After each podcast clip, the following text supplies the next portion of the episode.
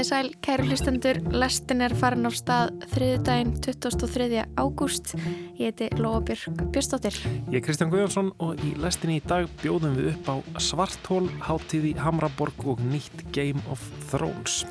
Já, rúmum tveimur árum eftir að loka þátturinn af Game of Thrones fór í loftið og átjón miljónir manns söpnuðust saman fyrir framann sjónvarpið er loks komin nýr þáttur frá sömu höfundum. House of the Dragon á að gerast um það byrj 200 árum áður en þættinir Game of Thrones gerast og eru byggðir á bók George R. R. Martin Fire and Blood. Þættirnir voru frumsyndir 21. ágúst og 10 miljónir horðu í bandaríkjunum sem gerir það að vinsælustu frumsynningu þáttaraðar HBO. Það sem verra er, er að það er ekki hægt með neinum lögulegum hætti að sjá þessa þætti á Íslandi. Þetta voru skríti klúður hjá þeim einhvern veginn. Þetta átti náttúrulega að vera svona þetta átti að vera þáttaröðun sem byggði upp HBO Max og það er alltaf að selja áskriftir á streymisveituna eða HBO Max í massavís með þessu þáttum en það er búið að tefja svo mikið og ég held að þetta ekki að koma að hinga fyrir 2024 eða eitthvað mm. þannig að bara stór hluti heimsins hefur ekki eins og aðgang að þáttanum sko. Hamraborgin er menningarmiðja Kópavóksbæjar en á sama tíma menningar fyrirbæri sem að ungir listamenn hafa unni með á undarförnum árum hampað hverfinu með svona hæfilegu glotti Við kíkjum upp í Kópavóg og heyrum um listaháttíðina Hamraborg Festival sem haldin er í annað sinnum helgina. Listafólk kemur sér fyrir í Euromarket, Gullsmiðju Óla og Kaffi Katalínu svo einhverjur síningastæðir séu nefndir. Það er svolítið útópist hjá okkur sko því að draumurinn er sá að, að list fá að taka álegum mikið pláss í, í rýminu og auglýsingar, Já, þú veist. Því við sjáum auglýsingar allstaðar, það býður engin um það en það er bara að poppa upp auglýsingar allstaðar sko. En svo einhvern veginn sko eru við, eru við umkringd þessum myndir sem við báðum ekki um en af hverju ekki að umkringja okkur með, þú veist, list mm -hmm. frekar. Já, Hamraborgin heldur áfram að vera í tísku hjá listafólki. En svo spjöllum við um hljóðin í svartólum við Sigriði Kristjánsdóttur. Þetta var sem sagt ekki Sigriður. Þetta, og þetta var ekki gardnagölu mitt. við heyrum meira um þetta eftir. En við ætlum að byrja á smá menningafrétt. Eh, tilnefningar til kvikmyndaverluna Norðurlandaráðs voru gerðar ofinberar í dag og eh, já, kannski það svona fréttnæma er að aldrei þessu vant e, eru tveir íslenskir e, leikstjórar sem eiga myndir í, í e, keppninni, getur við sagt eru tilnæmdir. Það er semst fyrir Íslands hönd er, er Valdemar Jóhannesson tilnæmdur fyrir Dýrið Lamp um, þessa surrealísku hryllingsmynd sem hann skrifaði á samt sjón en svo er það myndin Volaða land eftir Linn Pálmarsson sem er tilnæmd fyrir hönd Danmerkur Einmitt. Það er mynd sem er ekki enn komin í bíó hérna á Íslandi þannig að maður er ekki búin að sjá hana en, um, en eflaust frábær. Já, fólk búið að segja held ég goða hlutum hana. Sko, Já, allavega Danir greinlega líka mjög ánæðir með hana þannig að þeir senda hana fyrir sína hönd eh, á kvöngduverlu Nor Norrlandar ás. Eh, aðra myndir sem eru tilnæmdar eru fyrir hönd Finnland, Blindi maðurinn sem vildi ekki sjá Titanic eftir tímu Nicky, Clara Sola eftir Natalie Alvarez Messerin sem er tilnæmt fyrir hönd Svíþjóðar og svo fyrir hönd Norex er það vestamanniski í heimi verðans vestamanniski eftir Jókim Tríer. Hanna sá ég í Bíopartís. Hún var svolítið góð. Já, ég sá, sá hana líka, uh, mér finnst hún mjög skemmtileg. Uh, ég sá hana held ég á Riff á sínum tíma. Um, en já, en, þannig að við getum sagt að það séu svona betri líkur en áður að íslenskur leikstjóri reppi velunin, tveir á móti fimm, um, en það eru tveir íslenski leikstjóra sem hafa fengið þessi velun áður. Bendit Erlingsson fengið tvísvar fyrir Rossi Oss og Kona fyrir stríð og Dag Kári Pétursson fekk um, kvikmyndavalun fyrir Fúsa. En er það íslensku sigur ef það er íslensku leikstjóri en tilnæmdur fyrir hann Danmörkur? Getur við, getur við tekið... Erfitt fyrir Íslandinga að fagna en uh, jú, ég meina hlinur er, er Íslandingur okay. um, en já, þetta kemur allt, allt saman í, í ljós uh, fyrsta november uh, þá hérna fer fram sem sagt uh, Þing Norrlandaráðs í Helsingi og þetta er alltaf hluti af því að tilkynna sigur kvikmynd, kvikmyndavelunina og þannig að dagan á undan í Bíópartís þá verður svona norræn kvikmyndavesla 27. til 30. oktober þar sem að verður hægt að sjá alla þessa myndir um, þannig að þá getur maður um, Getur maður þá sé volaða land? Já, ég vona það. Öruglega. Eh, en já, við ætlum að um, halda frá uh, Norðurlöndum út í geim. Í gær fór að dreifast um netið og vekja nokkur viðbröð á samfélagsmiðlum hljóðklippa sem að er endar frá því mæ á þessu ári. Hljóðklippa frá bandarísku geimferðarstofnunni NASA. Við heyrum hljóð.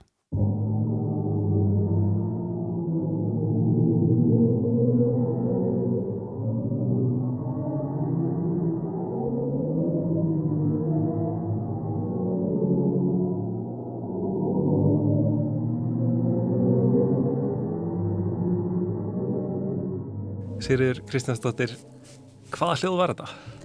Um, þetta er á að vera hljóð af svarthóli en þetta er, er kannski smá ígjur sko, það er búið að taka einhver gögn og það er búið að hljóð gera þau. Það sem þetta er, er þetta er frá vetrabröðaþyrpingu sem er í stjórnmerkinu Perseifi og það er búið að taka mynd af þessu, þessar vetrabröðaþyrpingu með röngensjónuga og það sést í þessum röntgensjónuga að það eru svona þrýsti bylgjur sem að ganga um alla, um svona gas og rík sem er á milli vetrabröðana og við sjáum það eh, að því að þetta tekið með svona röntgensjónuga, ekki svona venjulegum sjónuga sem við myndum nota fyrir okkar auku og eh, það er bara búið að taka þessar þrýsti bylgjur, þetta er svona eins og gárur á tjörn, eins og einhverju er búin að kasta lillum steini og myndast svona gárur. Og það er eins og það er búið að taka bara þessar gárur og búið til hljóð úr því. Mm. Þannig að þetta er ekki, ekki kannski alveg akkurat hljóðið í svartóli en svona það er búið að tegja aðeins á sannleikunum. Ok. Svá. Einmitt. Uh, hérna, en um, sko svartól, um, það eru staðir í alheiminum þar sem að í rauninni ljósekundin kemst ekki útur. Uh, en þessa bylgjur eða þetta hljóð, eh, hvern, hvern, hvernig virkar Já, það? Er, er, það ekki líka einhvern veginn fangað af svartólunu? Já, sko, það er, það er eitt reysa svartól í vetrabrytinni sem er hérna í miðjunni. Þannig að þetta eru nokkra vetrabrytir og þessi í miðjunni hún er með reysa svartól sem að er í flestum vetrabrytum verist vera er svona eitt reysa svartól sem situr svona bara þægilega í miðjunni og það náttúrulega er að drekka í sig alls konar massa sem er í vetrabrytinni, bara stjörnur og sólkerfi og gleipur þetta og um leið og það fer inn í svartálega þá uh, gefur það frá sér svona uh, orgu sem er uh, svona eins og spissar svona úr sittkorum endanum norður og suðu pólnum á svartálunu og það eru þessir, þessir orgumiklu svona ströymar sem að, að búa til þessar litlu gárur sem eru mm -hmm. í ríkinu og gasinu hann á milli. Væri hægt að vera einhverstaðar staðsettur og heyra þetta eða eitthvað í líkingu þetta heyra í þessum bylgjum? Eða, eða er þetta algjör í rauninni tilbúningur, er þetta bara einhvern veginn verið að taka, taka einhverja bylgjur sem er að færast uh, og, og búa til eitthvað sem að... Já, er, við myndum, ef við gætum farið hana og tekið á okkur geimhjálminn og lagt við hlustir, þá myndum við ekki heyra neitt svona hljóð. Fyrsta lagi þá er líka þessar bylgjur sem eru þannig í gasinu, það eru með einhverju ölduleng sem við bara heyrum ekki, þetta er einhver nóta sem er ég man ekki hvað, 56 áttundir fyrir neðan með sér, það okay, er bara já. við myndum fyrstulega ekki heyra það því bara eirun okkar er ekki, bara heyra ekki hljóða þessari að, að þessum þennan tón og fyrir það við myndum náttúrulega ekki að lifa það af að taka okkur gamehjálmin mm. Ok, en, en hérna sagt, ef, ef þarna er búið að hækka hljóðið sem að væri þarna um, um 57 áttundir um, Og, og sko núna hafa viðbröðin þegar þetta hefur aukvöldin verið í dreifingu núna á netinu þá er fólk að segja já þetta er nákvæmlega eins og maður myndi ímynda sér að svartól myndi hljóma. En þá er það náttúrulega líka tilbúningur af því að það hefði alveg verið að hækja þetta um kannski 60-80 eða, eða veist, og, og þá er þetta orðið eitthvað svona hátíðni Einmitt, myndi bara einhverju hundar heyra þetta já, sko. já, já og það er kannski hluta af því að þetta fer svona á flög það er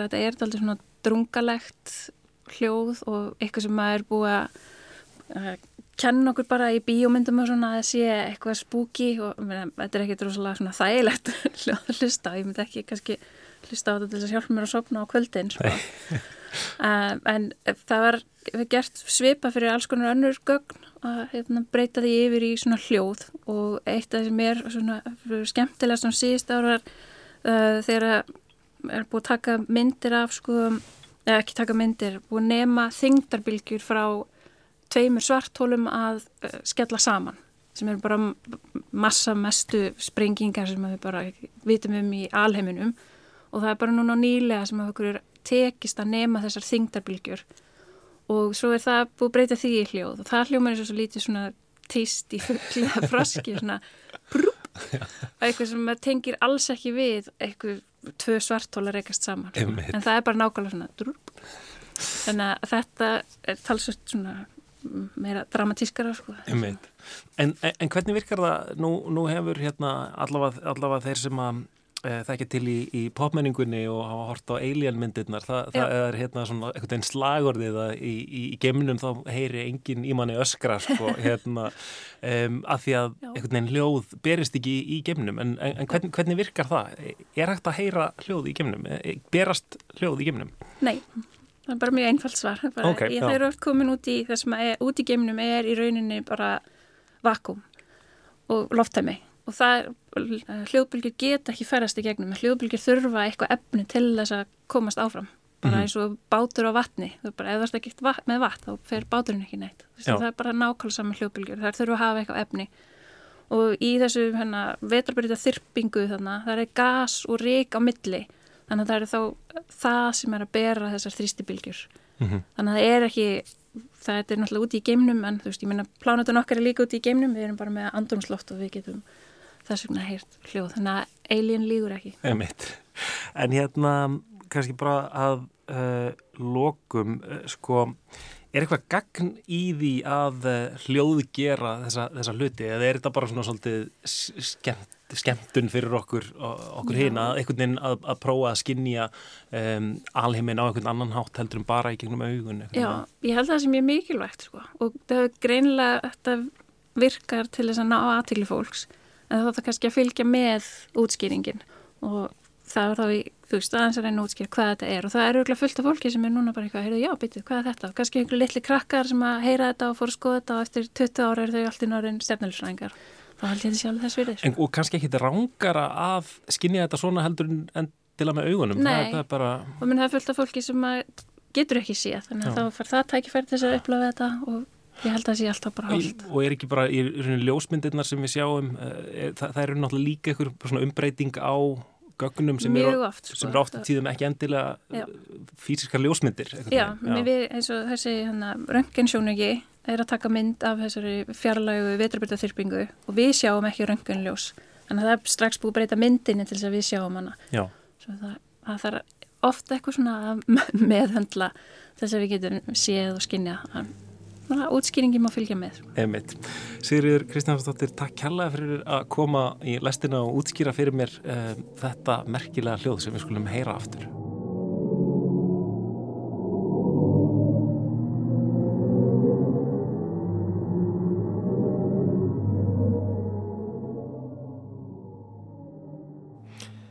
Já, þannig heyrðum við aftur í svart hólinu eh, hljóðu frá NASA.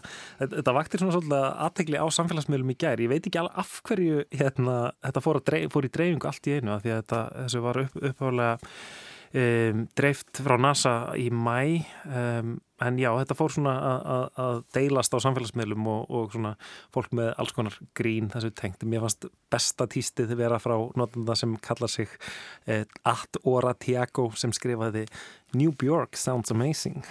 Einmitt. Nýja Björklæðið er geggjað. Uh -huh. um, En já, þetta var Sigriður Kristjánsdóttir, jærskjáltafræðingur, náttúruvá sérfræðingur á viðstofunni og formaður stjórnum skoðunarfélags Seltjarnis sem að reyndi að gera þetta skiljanlegt eh, fyrir okkur hvað nákvæmlega væri að gerast þarna. Ég hef ekkert einn ímdað mér að svartól væri aðeins djúbratara. Já, en það er náttúrulega með þessi sko um, að NASA er rauninni búið að hækka þetta um 57 áttundir sem eru bara einhver svona trilljón föld hækkun. Ok, svona eins og það er íkortna effekt á á svartölunni Já, alveg bara margfaldur íkortna effekt okay. til, þess að, til þess að hækka það upp í, í hljóð sem við getum yfir höfuð heyrst. Er annars bara einhvern veginn hundar og engisbrettur sem heyra? Öruglega ekki einu hundar heldur okay. bara hérna, einhver svona einhver lovkraftísk skrimsli sem geta heyrt þetta. Einmitt, en uh, næst ætlum við að tala um sjónvarp. Þættin er House of the Dragon gerast í Game of Thrones söguheiminum. Þeir voru frumsyndir í bandaríkanum á sunnudaginn. Um, tíu miljónir manns söfnust saman fyrir fram á sjónvarpi og horfið. En það er ekki hægt að horfa á þessa þætti á Íslandi. En mér tókst þó að finna mannesku sem með krókarleiðum útviða sér þáttinn. Við settumst niður með Samuel Karli Ólasinni, bladamanni Vísis og reddum þætti sem margir vona að fylli í tómið sem Game of Thrones skildi eftir sig. As the first century of the Targaryen dynasty came to a close, the health of the old king, Jaehaerys, was failing. In those days, House Targaryen stood at the height of its strength, with ten adult dragons under its yoke. No power in the world could stand against it. King Jaehaerys reigned over nearly 60 years of peace and prosperity, but tragedy had claimed both his sons, leaving his succession in doubt. So, in the year 101, the old king Til mín er komin bladamæðurinn Samuel Karl Ólásson og við ætlum að spilla um nýja þætti sem að koma úr smiðju Game of Thrones fólksins House of the Dragon. Verðstu hérstalega velkomin Samuel. Takk hjá lega. Þú erst búin að horfa á House of the Dragon. Ég horfaði fyrsta þáttinn. Áður við byrjum að tala eins um það þá finnst mér við þurfum að tala um einhvern veginn fílin í herbygginu sem er Game of Thrones og sérstaklega áttunda serja. Myndur þú skilgreina þið sem Game of Thrones aðdónda? Já, ég held ég gerir það sko. Ég hef náttúrulega byrjaði að horfa á þættina og svo fyrstu, fyrstu þáttaröðina þegar hún kom út og svo las ég alla bækunar sem voru til þá. Alltaf eina bókuna las ég út á sjó í eldgömlu síma í PDF-skjali þannig þurfti alltaf að skrolla setningarnar til hliðar okay. og fara tilbaka alltaf að lesa næstu sendingu sem var mjög fyndið og erfitt Það en, er alveg sk skuldbinding. Já, þetta er svona alltaf hundru blassir. en þetta tók tíma, en þú veist, ég sé ekki eftir einu, ég hef lesið þetta marg oft síðan, sko, og horta þættina og þetta. Ég, þetta er aðeinslegt sem var, og bækur. Þú varst að fjalla um hvað, hvern einasta þátt að, að, í loka þáttaröðinni, þetta ekki fyrir vísi. Já, ég síðustu þreymur serjum fjallaði ég, svona, skrifaði alltaf um hvað var að gerast í þáttunum og hvernig þetta var og hvernig þetta var í bókonum og, mm -hmm. og reyna svona að setja hlutin í samengju og þetta getur verið þetta er mjög stór söguhymur og flókin sko. Það sem að var einhvern veginn sérstatt við Game of Thrones var einhvern veginn að það voru eiginlega allir að horfa. Já, það var bara eitthvað svona ástand í heiminum. Já, það voru, þetta var eins og eitthvað kallt eða eitthvað þannig. Ég málst eftir hérna, þetta, mér finnst þetta að hafa verið best útskýrt í, í þáttunum Parks and Recreation. Það var einna, Ben Wyatt sem sagði þeim þáttum að Game of Thrones segði mannlegar sögur í svona fantasy heimi veist, þetta væri bara svona mannlegar persónu sem maður getur tengt við, þetta er ekki bara einsleitar, veist, þessi mondikallin en þetta er bara, þetta er kannski slæmt fólk sem er, veist, getur gert góða hluti líka og þetta er ekki einsleitt og þetta er bara áhugavert og, og trúverður af personur. Veit og bara hetjan úr serju 1 er bara uh, skurkurinn í serju 5 og öfugt. Já, skurkur verða hetjur og skurkar verða hetjur já, og það náttúrulega hjálpaði líka rosalega mikið til að maður viss aldrei hver var örugur maður held upp á þennan og mm. neini, hann dó og við heldum að vera på næsta og hann dó og mm -hmm. þetta var einhvern veginn, já skint, þetta, þetta er bara sjóarsefni sem maður er ekkert vanur að sjá basically sko Ég hef oft séð að tala um það á netinu bara að það hefur ekkert samin á okkur síðan 2019 þegar vorum að horfa að gema þróns, það mm -hmm. er bara mhm. sundrung, við, við erum bara að rífast um pólitík og bólefni og við þurfum bara að sittast niður og horfa okkur sama þáttin. Já, það, það er alveg satt, þetta var alveg ótrúlegt, hvernig maður sá líka sérstaklega í bandaríkunum, það var svo gaman að sjá að bara barir og svona fylltust af fólki á sundarskvöldum sem bara komið saman til að horfa bara öll. Mm -hmm bara sko týjur hundruði manna að horfa einu á sjónvastátt sem bara maður sér ekki, það verður aldrei ekki að staður sko. Allavega ég og, og margir sem ég þekki horfðum á, á lokaseríuna og svo svona undir lokina áni var manni hægt að lítast á bleikuna Já. og svo fyrirteknir þannig að, að, að það er eins og allt sé leist í einhverju svona skindirettingu og einhvern veginn alls ekkert eins og var búið að byggja upp Nei, svona söguna í átt að eitthvað myndi gerast. Þetta var svona eins og anti-climax. Alveg rosalega, þeir voru búin að verja sjö þáttaröðum og 8-9 árum í að byggja upp einhverju óvinni sem átt að vera rosa þannig að kvítgenglanir uppbakningarnir og allt þetta. Átt að vera bara mörg ára myrkri og, og harðræði og eitthvað svona svo listist það bara í einum þætti. Mm -hmm. og þetta þeir bara, maður fekk veginn svona tilsynningar að það var allir sem kom að þessu hættir að þessu. Vildu bara klára þetta og svona personur fór að gera hluti sem maður trúði ekki þú veist, sem hefur, bara einn af lík, líklum, eitthvað sem er, einn af líklum velgengni Game of Thrones, það eru bara svo trúveröðu personur það er hættu að verða það fóru bara að verða góðaliðið, vondaliðið og þetta bara, það var svo ódýrt eitthvað og það brenn maður bara er eða svona hálf brendur eftir það Einmitt, og það er sko, það er sagt að um, þeir voru þarna tveir aðal, David Benioff og D.B. D.B. Weiss sem um, tóku það einhvern veginn að sér, skiptu á milli sín loka fjórum senstu þáttunum í, í seríunni sem átt að binda hnúta á einmitt átta seríur þessum þessum risastóra söguheimir mm -hmm. skil og þeir voru einhvern veginn ótrúlega spenntir að gera þetta en það var eiginlega engin ánæður með hvernig þeim tókst til og kannski svona hálfgert klúður að þeir gera þetta ekki, byðu ekki eftir bók frá George R. R. Martin Já, já. hann var einhvern veginn ekki með núna og þeir ætluðu bara eitthvað að, að, að, að gera eitthvað geggjað en það tókst ekki. Nei, heldur ekki. Og ég veit ekki með þig en þá, það var svona til þess að þegar ég sá að það var nýtt Game of Thrones á leiðinni House of the Dragon, þá varði ég einhvern veginn ekki spennt. Ég var spenntur. Þú varst spenntur, þú varst ekki sár eftir hvernig þeir skildu áttundu sér eftir. Jú, jú, en ég bara vildi meira og vil ennþá meira Princess Rhaenys Targaryen, the king's eldest descendant, and her younger cousin, Prince Viserys Targaryen, the king's eldest male descendant.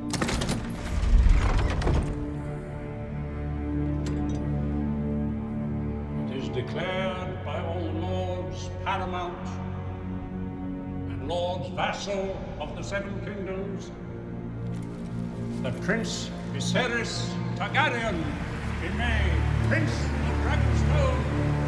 Rhaenys, a woman, would not inherit the Iron Throne.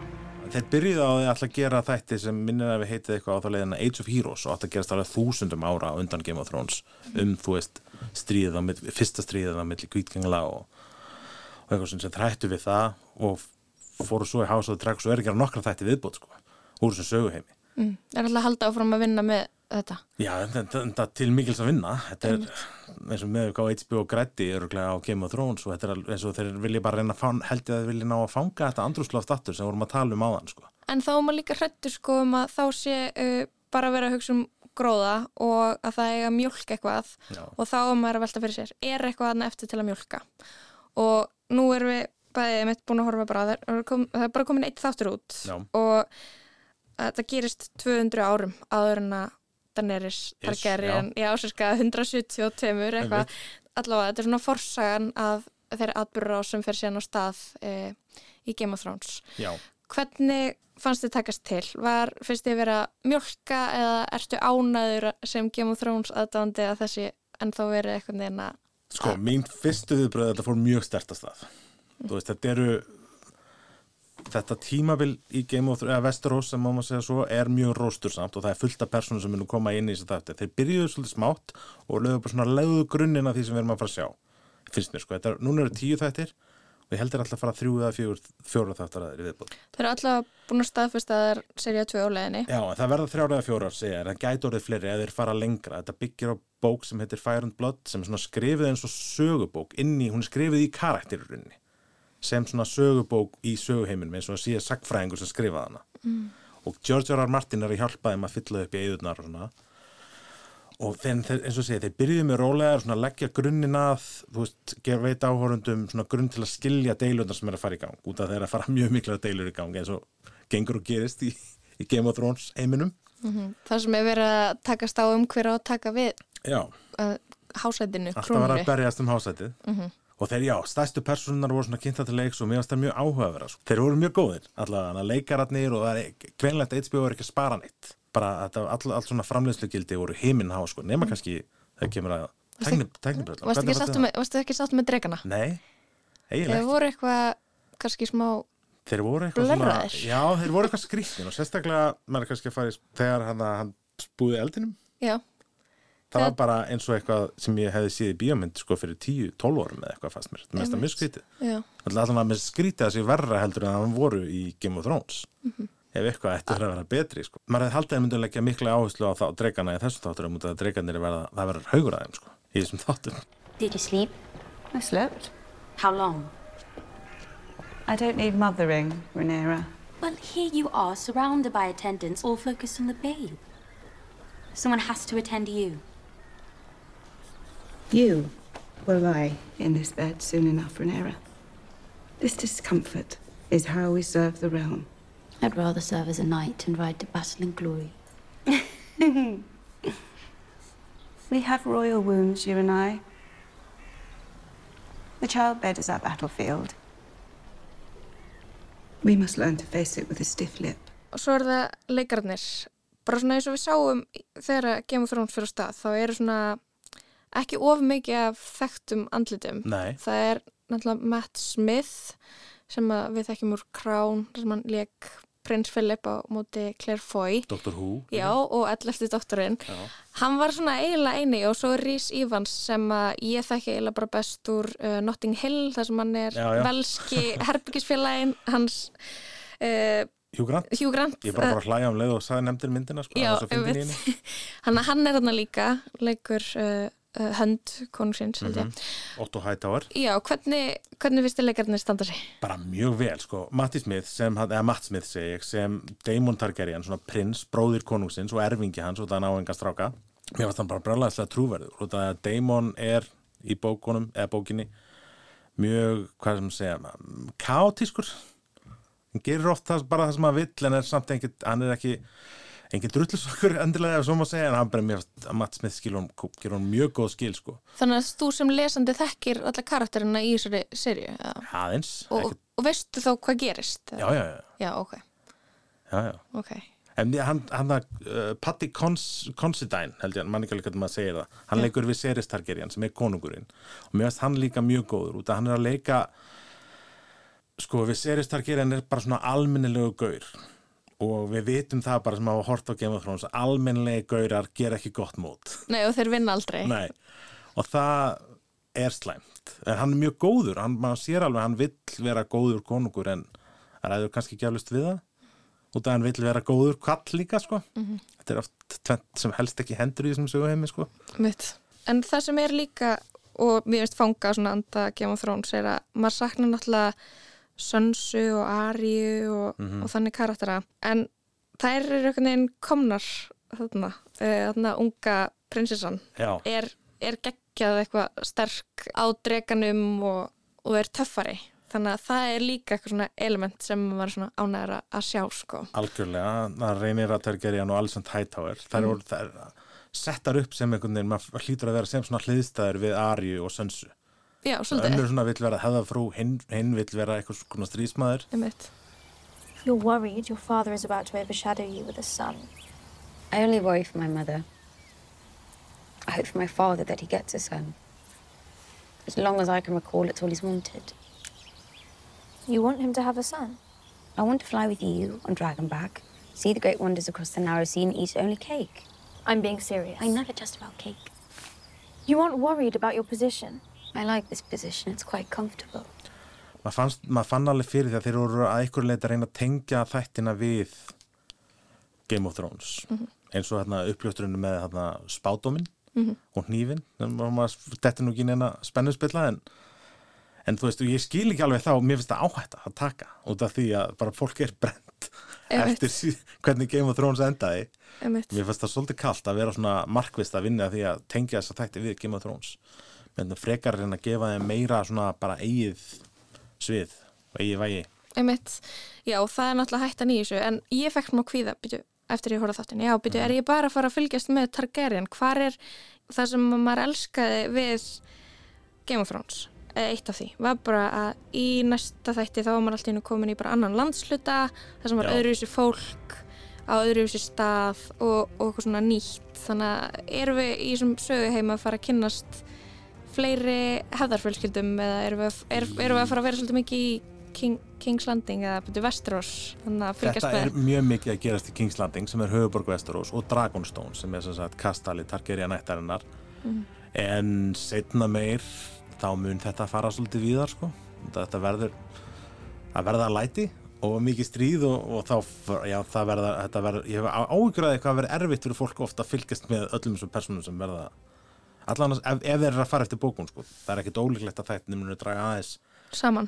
Já, Já, en það er bara gott að vera stundum með símanu hönd, íta pásu og fara inn á netið Maður og skoða eiginlega að ættatré sko. já, Einmitt, en svo er náttúrulega annað í þessu ég og eflust þú við þurftum bæði að fara einhverjar krókaleir til þess að horfa á þetta. Já, út af því að það er náttúrulega svolítið undarlegt að hérna er, eh, eru þættir sem að það voru tíu miljónir sem horfðu á frumsýninguna á House of the Dragon mhm. uh, stærsta frumsýning þáttariðar frá í sögu HBO já. og það er ekki hægt að horfa á þetta á Íslandi Nei, þetta voru skríti klúður hjá þeim einhvern veginn. Þetta átti náttúrulega að vera svona þetta átti að vera þáttaröðun sem byggði upp HBO Max og þeir eru alltaf að selja áskriftir á stre, streymisveituna þeirra HBO Max í massavís með þessum þáttum en það er búið að tefja svo mikið og ég held að þetta ekki þarf að koma að hinga fyrir 2024 eða eitthvað þannig að bara stór hluti heimsins hefur ekki einu svona aðgang að þáttunum sko sem ég finnst mjög skrítið og þannig að maður þarf bara að setja upp sjóraningi hattinn Já. aftur, það er leiðilegt sko en svo eru náttúrulega bara, bara mjög margir sem bara í prinsipinu gera það ekki og Já, maður já. getur ekkert sagt neinum að hala neinu niður ólulega en, en sko þetta er algjörst klúður og mann finnst þess að við séum inn einhvern veginn á Íslandi einhvern veginn svolítið svona út undan Já. að missa af einhverju sem er bara mjög stórst Já, það er einmitt sem við talum á þann að þeir HBO villur að skapa þetta sama andurslóft en þeir þurfa þá að geta dreift þessu til allra sko. en þú veist, þeir eru ekki að gera það núna sem ég finnst, þetta er bara algjört klúður það, held ég, og mun örgulega að koma niður á þáttunum eitthvað, sko, en á móti kemur að Game of Thrones sprakk ekkit út fyrsta, í fyrstu þáttaröðinni sko, það er alveg annar eða þriðju sem það gerist almennilega, sko, þannig að þeir hafa alveg tíma, þannig séð, sko. Það þarf ekki alltaf að gerast núna. Einmitt, einmitt, en já, mér finnst það bara skrítin ákvörðun, sko. Veginn að skríti að láta þetta gerast svona. Einmitt, þetta er það. Um, en svona að lokum svona loka neðurstaðan í þessu. Finnst þér eins og þetta hafi mögulega fyllt upp í eitthvað tóm sem uh, er búið að vera opið síðan 2019 Já, ég held það, sömmu þá. Er, ég vonast til þess að þetta veri mjög gott og ég upplýða þarna skemmtilegar og gamla tilfinningar með að voru að horfa á hana þátt sko. Gaman að vera komin í hennar sögu heim áttur og það er mann alltaf búin að býða eftir næstu bókonum sko í, í tíu ára orði núna eða eitthvað. Já, það er ekkert engin von á þeim, hann, hann er bara að dúlla sér við að skrifa Já, já. Nú veit ekki hvort að segja dúlla sig en, en George R. R. Martin er mjög upptekinn maður. Hann Já. er alltaf búin að vinna þessum þáttum og, og öðrum og skrifa nokkrar bækur veist samhliða öllu sem hann er að gera sko en hann er alltaf tíu ár ég held að þessu komið meira en tíu ár. Á milli bóka er bara allt og mikið sko. En ég, það hlýtur að fara að gerast nú Þú þurftir ekki að bæja frá því svona tilfinningum svona vonast til þess að Jon Snow myndi mæta og, og Daenerys. Ég, ég var svona það, ég var eitthvað, æ, hvað getur ekki bara Jon Snow verið smá í þessari serju Já, en þá, þá þurfa þeir, þeir þurfa að láta manni verða vænt um þessa persónu líka.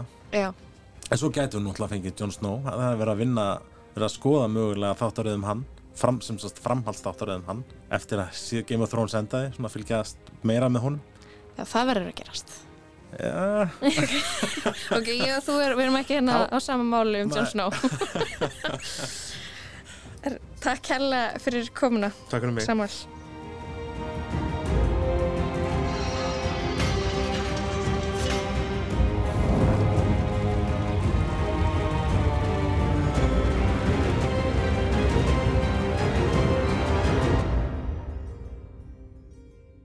Við spjallum þarna við Samuel Karl Ólason blaman vísis um þessa nýju þætti House of the Dragon.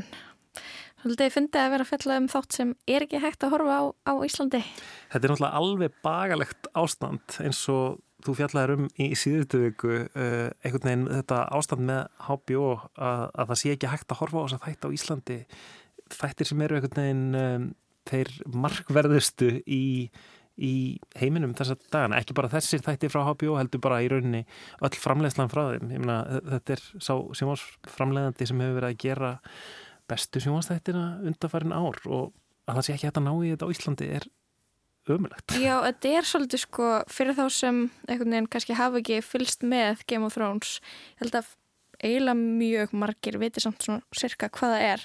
Þetta er svona smá eins og á sínum tíma ef að Harry Potter myndirnar hefðu bara ekki komið til Íslands Já, Harry Potter bækur. Já, Harry Potter bækunar hefði ekki verið fáanlegar á Íslandi. Það er svona mjög skrítið að geta ekki tekið þátt í einhverju svona sameinleiri upplifun sem allir eru að eiga út af það er einhverjar hægraðingar hjá einhverjum risastórum fjölmjölafyrirtækjum og, og þeir ætla ekki að uh, setja streymisveitina á stað á Íslandi strax. Já, einmitt.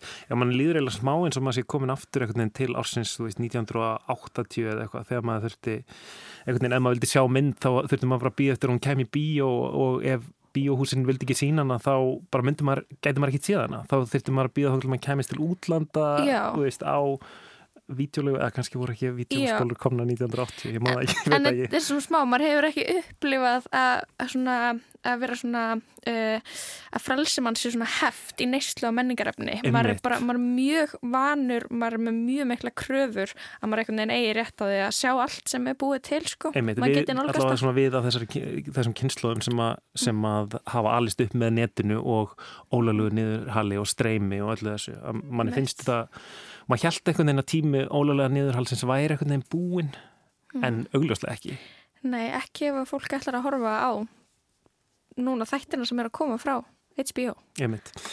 Þetta er agalegt, en allavega hérna fólk finnur öruglega einhverju leiðir til þess að sjá þess að þætti um, við bendum fólki ekki á neinar uh, tiltaknar leiðir til þess Nei. en við ætlum að snúða okkur að öðru við ætlum að uh, halda upp í Kópavók, þar fer uh, fram listaháttíð um helgina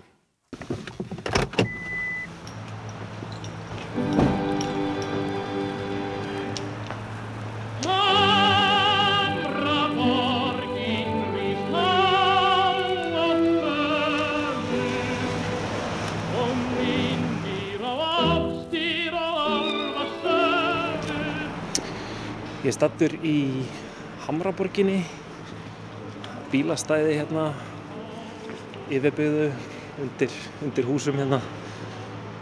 Ég er að fara að hitta skipulækjendur listaháttíðarinnar Hamraborg Festival sem að uh, fer fram um helgina. Sjá hvort ég rekist á þau einhver staðar. Við ætlum að mæla okkur mót hérna hjá te og kaffi Herðu, jú, hann, hann eru þau. Lítil fjölskylda að koma út úr bíl. Er með svona um, badnavagn, tveggja hæða, tveggja hæða badnavagn. Það er eins og Hamraborgin á hæðum.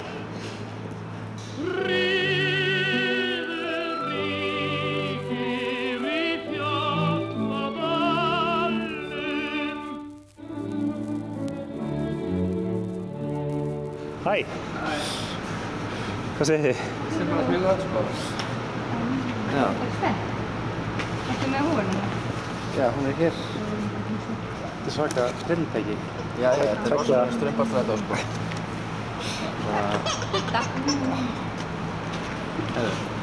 Sættu Hæ. Það er róast þegar við kerum á stað. Tökum við smá rölt. Ok. Bara um Hammarborgina. Er það ekki? Jú. Frábær staður þetta fyrir göngur. Já. Hannaður fyrir gang- gangandi vegfærandur. Já, ég held að svona, þetta á að verða göngugata hérna, sko. Það á að búa til einhvers svona þannig komplex, en þetta er upprunnulega hannað alveg sem, sko, svolítið framhússtefnulegt svona göngurými, sko. Já. Þetta er alveg hugsað sem svona, svona eitthvað samspil milli umferðar og, og gangandi vegfæranda, sko. Já, Sér maður það, hérna, þú veist, garðunum hérna uppi og svona, sko. Já, einmitt. Þeir eru hrikalega flottir. Einmitt. Þetta býður upp ógust að skemmtilega eins og við höfðum hérna, þe- þegar við vorum að reyka midpunkt þá vorum við með aðra litla hátíð sem hétt Safe Fest sem reyndar ekki reikin af okkur en þá fóruðum með fólk hérna í skrúðgöngu hérna, þvert í gegnum hérna, garðana og notuðu þá rosa Vá, mikið sko. Og endaði, þú veist, onni í hérna göngunum eða þú veist, það bílastæðakjallarinn. Já. Það sem er hérna svona lítið hérna bílastæðvarða hús. Mhm. Þar voru gjörningar og svo getur maður svona lappa haldið áfram og þetta er náttúrulega allt bara eitthvað bílar en það eru svona gangbreytir svona hvert fólk getur lappað. Mjög skemmtilegt. Einmitt. En heyrðu, já, við erum sem sagt, ég, ég er komin í, í Hamraborgina og um, rakst hérna í, í bílakjallaranum á þau Snæbjörn Brynjarsson og uh, Ragn- Ragnheiði Sigurðardóttur Bjarnason og Já, það er Steinun Stefani er þessi litla hérna sem er eh, í efri hlutavaksis og í neðri hlutanum er hún Sigriði Brynja það eru sem sagt báðurinn til tveggjar aldri Já. En uh, sem sagt, núna um helgina þá fer fram um, listaháttíð hérna í uh, Hamraborginni. Hvert er að lappa? Við erum ekki að lappa hérna og fara það sem við ætlum að hafa opnun. Jú, það, það er Já. þetta. Já, röltum þangað. En sérst, já, það er hérna Hamraborg festival sem fer fram núna um helgina. Hafið hafi, hafið haldið þetta áður, eða ekki, eða hvað? Jú, þetta er í annað skipti sem að hátíðin er haldinn og í bæði skiptin þá voru við styrt af atna, list og menningar á því Kópavóks, Mekó og, atna, og það gekk bara rosalega vel í fyrra skiptið. Þá vorum við með svona uh, tæpa 50 listamenn. Núna er hátíðin orðin aðeins stærri, við erum eiginlega með vel yfir 60 sko og ég er ekki að tellja með fjöldagjörningana sko, það er bara 60 listamenn að taka þátt og rosa mikið af viðburðum. Þarna, við erum með uh, leiksýningu eiginlega sem heitir hérna, Rýmiskinjun uh, 2x2 sem hefsta sem gamli mittpunkt var og tekur fólk svona í göngutúrum svæðið. Svo erum við með óperu í andrin á salnum danssýningun á gerðarsafni, Plastikmenn, hennar Katie Hitchcock og uh, Collaborative Contaminations með Rósa Ómarsdóttir og Hákon Pálssoni inn, í, inn á bókasafninu. Þannig að það er rosa mikið á svona sviðslistum núna. Við, við ákveðum sérst eftir COVID að einblýna svolítið á eventana og gjörningana og fá þá hópamyndununa í kringum það því fyrra gáttu við það ekkert. Við vorum meira einblýna á einstakar síningar bara eins og við verum með líka í ár þá erum við semst að nýta öll uh, þau rými sem taka þátt í hérna verslunarými sem síningarými. Mm -hmm. Þannig við setjum síningar að fáum að uh, í rauninni uh, læðast inn já. sem einhvers konar líka gjörningur í svona, já, per se, að hana inn í öll þessi búðarými sem við erum í samstarfið sem er alveg hátt í held í 15-20 Já, þetta er bara alls konar, þetta er Euromarket og þetta er guldsmiður og þetta er shoppan og, og bara hitt og þetta. Já, og krónan er með í ár sem er mjög ánæg því að það er stórt batteri Það er svona miðjan hérna á svæðinu, Já. krónan sko. Og allir fara þangað, þetta er náttúrulega Hamaraborg er svolítið þannig að fólk áalveg leiðina í alls konar en krónan er eiginlega svona fjöldastæðurinn Já, einmitt. En þið byrjuðu semst með þetta í hérna síðast af því að þið voru með galleri hérna sem, að, sem að heitir hétt mittpunkt en, en það er núna í, í smá pásu eða hvað? Það er í pásu, í jögnablikinu þá búum við á höfn í hótnafyrði og þar er ég að reyka listaðsafn Savas Guðunarssonar og Ragnarður er að fara að kenna í mentaskólanu þar þannig að við erum að eila orðin hortfyrðingar í dag sko. Okay. Þóttu við séum mætt hérna í Havraborgina í svona okkar frí. En hinga erum við mætt undir treð Já, við Hamraborg 14 Já. og hérna er Black Cross Tattoo. Og við sjáum við Ipsi upp á krónuna. Og hérna á þessum tvei bekkjum ætlum við að vera með opnununa á hátíðinni Aha. sem verður séðast næsta förstu dag mm -hmm. klukkan uh, fjögur. Og hún mun standa í rauninni alveg til klukkan tíu kvöldið. Þannig við byrjum í rauninni hérna með smá svona formlegum ræðhöldum og við erum búin að fá nýja borgast bæjarstjóran næst næsta bæjarfélagið á landinu en já þannig nýja bæjarstjóran til að koma og halda smá tölu. Mm -hmm. og svo förum við hérna inn í Uppsölungalleri sem bara hérna rétt hjá. Og þar með nú Berglind Jónar Lindsdóttir sem er heiðuslistamæður haldtíðinu og er búin að vinna mjög mikið með Hamraborgina sem apparat og hérna opna sín, sín, raunni, já, sín síningu mm -hmm. ásamt því að akkurat á þeim tíma náttúrulega opna alla síningarnar sem standa yfir alla helgina og þannig en þá hefst bara svona rauðgjörninga mm -hmm. það sem byrja bara hérna við Úslunagalleri svo færum við okkur það sem gamla mittpunkt var og yfir svo í Katalínu og það er náttúrulega allir að stoppa og drekka bjóra og fá sér hérna mat, því það er geggjaða matur þar og þar endar sérst kvöldið í rauninni klón 8 um kvöldið þá verðum við með bókáttgáfi við erum svolítið að gefa út bók í fyrstskipti sem Snæpinn er búin að sjá um algjörlega. Þannig ég ætla að færa boltan yfir og hann um þessa bók. Já, já, já, líka Sveit Snær Kristjánsson hannaði bókina með mér og ég hafði samband við nokkra reytuhönda það er hérna, Eiríkur Örd Nordal er í bókinni Kamila Einarsdóttir Emil Hjóra Pettersen Alexander Dan Viljámsson Eva Rún Snorradóttir og Berglind Jóna líka og Ásta Fanni Sigurðardóttir og Björk Þorgjunsdóttir og, og ég held að ég gæti verið að gleyma einhverju nöfnum en þetta er allt höfundar sem er að skrifa út frá konseptinu Hamra Borg þannig að hvað er Hamra Borgin sko? borg, bókin heitir með Hamra Borgir á heilanum. Og ég skrifa smá yngang sem fjallar um bara svona borgir almennt og borgina. En þú veist Hamra Borg hefur þetta mjög bara mikla skýrskotanir í alls konar luti eins og til mm. dæmis álva og tröll og svoleiði sko, sem að fara að hugsa sko. og þá er kannski eina, eina þjættbílið á landinu sko, þarna, áður en hugborgarsvæði var til það er kannski bara álvaborginna sko. einmitt, Svo er hann Hákon Pálsson sem er mitt með síningu hérna líka. Hann er að sjá myndefnið í bókinni og er búinn að vera að rölda hérna um Hamraborgina eins og hún er í dag og taka myndir sem er mjög áhugavert því að hún er að fara að breytast á næstu fimm árum, vantilega. Þannig að það verður gaman líka bara að sjá þróunina og, og, og sjá þetta rítið einhvern veginn eldast í framtíðinni. Já, þetta er svona hugmynd að skapa bók sem verður bara sjálfkrafa nostalgísk. Algjörlega. Og Hamraborgin er náttúrulega nostalgísk nú þegar, sko. Einmitt, en sko, en hvað er þetta með Hamraborgina? Ég meina, þetta er, ok, þetta er menningar miðja Kópavóksins, ég meina, hérna eru menningarstofnanir, en svo í setni tíð hefur þetta orðið að einhverju, einmitt svona, einhverju nostalgísku, soldi kannski svona einhverju svona kaldhæðinu trendi, þú veist, Já. ég veit ekki hvort að það sé bara, hérna, skrif Tyrfings Tyrfingssonar Já. sem hann hefur notað í leikhúsið sitt og, og, og kannski Kamala Einarsdóttir, en, en er, sko, Kópavógur og Hamraborgin er einhvern veginn svolítið í tísku sem svona Já. eitthvað örlítið kaltæðið töff dæmi. Gott að þú nefndir Tyrfing, sko, því ég glemtaði honum í upptalingunni. Ok. En, uh, en það er einmitt rétt, sko, það er búið að nota ímynd Hamraborgarinnar og búið að skapa þessa svona, svolítið svona, kannski kaltæðinu ári í kringum hana, sko. Og, og þú veist, þetta er rosalega þjættu punktur og hann er eiginlega í miðju borgarinnar. Ef við, ef við tölum um borgina sem, sko, mörg röð sveitafélaga, sko, þá er, er Hamraborgin í miðju og á eftir að leika sko stórt hlutverk þegar ef að einhvern tíma kemur borgarlína þá verður hún svona hérna í gegn sko og þetta verður svolítið alltaf miðpunktur en ég hugsa að þetta sé kannski bara hvernig við Íslendingar sjáum borgir almennt sko borgin hún er hættuleg sko og, og samt á sama tíma svona seiðandi og svolítið spennandi líka sko. Svo er þetta líka bara að þú veist okkur uh, kannski þráir að, bú, þrá að búa í stórborg mörgum hverjum og við, við höldum ofta að einmitt okkar borg sé stórborg sem hún er klárlega ekki. Þannig að þá kannski leitum við í þessa nostalgi og að horfa á þessa hái byggingar og alla þessa steipu sem einhvers konar okkar borg. Nefn, nema kannski hérna út af því að sko þetta svæði er með svona það sem ég myndi kalla borgar landslag Mm. og Já, þetta já. þessi hátíð gengur út á að setja myndlist hérna svo við getum svolítið notið þessa borgar landslags að því ég myndi til dæmis segja sko að þú lappar í miðbæði Reykjavíkur þá ertu að lappa í gömlu sjávarþorpi og þú finnur það, þú ert í gömlu sjávarþorpi og það skiptir einhver málið að þú setjum upp tónleikahöll og einhverja skíakljúfa þú verður alltaf svolítið í svona sjávarþorpi. En hér í rauninni er svona svæði sem er byggt upp sko eftir stríð og þetta er byggt upp sem borg sko með hugmyndum um borgarskipulag. Og ég held að Hamraborgin berið þess bara mjög svona skýr merki sko.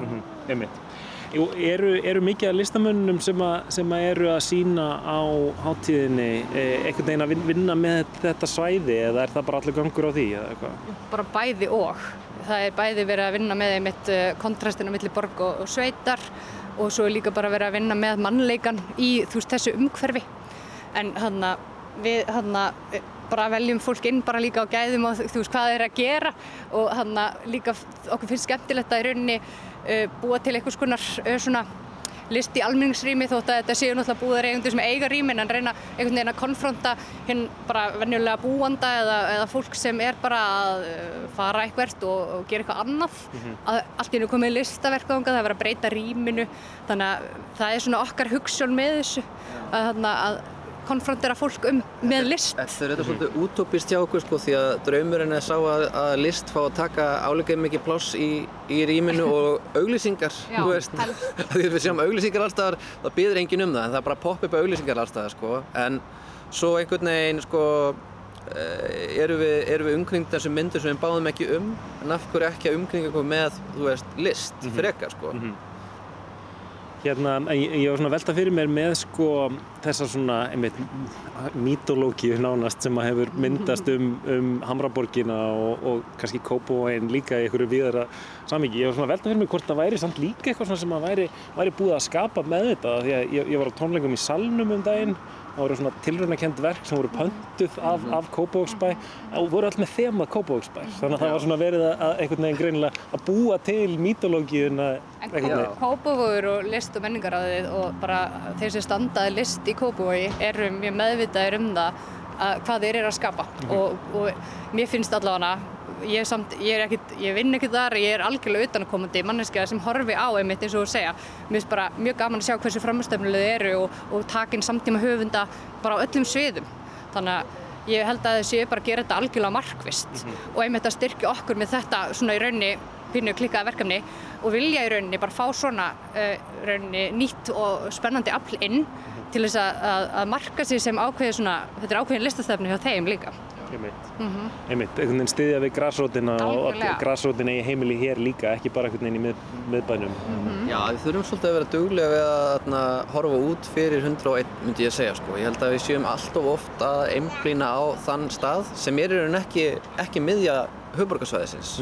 Og er oft erfitt að komast að, eins og ég átti samtal við ömmu mína um því að hún var mjög spennt að fara einmitt á eitthvað, eitthvað opnun eða eitthvað og það var einmitt einhver staðar þarna niður frá og af því að hún býr ekki þar eða býr í útkverfi, þá fannst henni bara allt og langt. Já. En það er kannski þægilega fyrir margan, þótt að það sé ekki allir, en marga aðra að koma hingað og sjá hvernig fyrir sér að þetta sé þægilega svæði fyrir þá til að njóta það sem þeir vilja. Já, einmitt.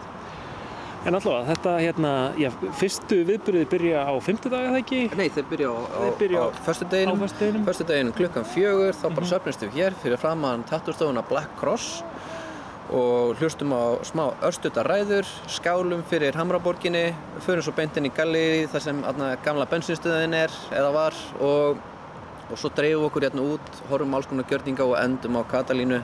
Og það er nefnilega núna í ár þá eru, eru við líka með viðbyrð á sunnudeginum. Þannig að þetta er rauninni, aðna, það er fullt af viðbyrðum og námskeiðum og vinnustofum. Þannig að þú veist, fyrir fólk á öllum aldri mm. vinnustofur fyrir börn líka og, og svoleiðis og já, reyndar sko mjög skemmtileg, ég verði að nefna það, það er þarna eh, pólsk listakona, hún Pólar Sudrik, hún er að reyna að ímynda sér framtíðar þjóðarétti Íslandinga árið 2070 og er með vinnustofu á Katalínu á föstudeginum og lögudeginum sem snýst um að búa til vegan brauðtertu með svona nýrri aðferðafræði. Ok, einmitt.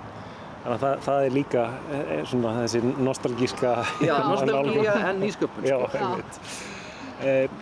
Geggjað, uh, Snæbjörn, Ragnæður, bara njóti vel og gangu vel á Hamraborg Festival um helgina. Takk fyrir. Kæra þakkir.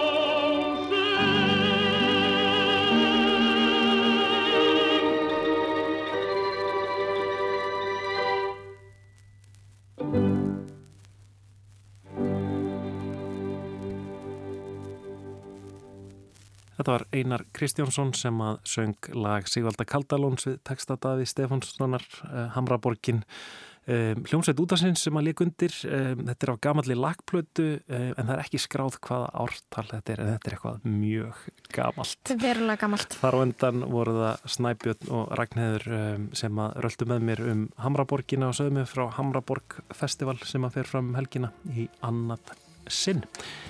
En þar með erum við komin að leðalögum í lestinni í dag. Já, við verum hérna aftur á morgun á sama tíma, vonandi. Ég heiti Lóa Björk Björnsdóttir. Ég er Kristján Guðjónsson, tæknumæði lestarinnar er Lítja Gretarsdóttir. Verið þið sæl.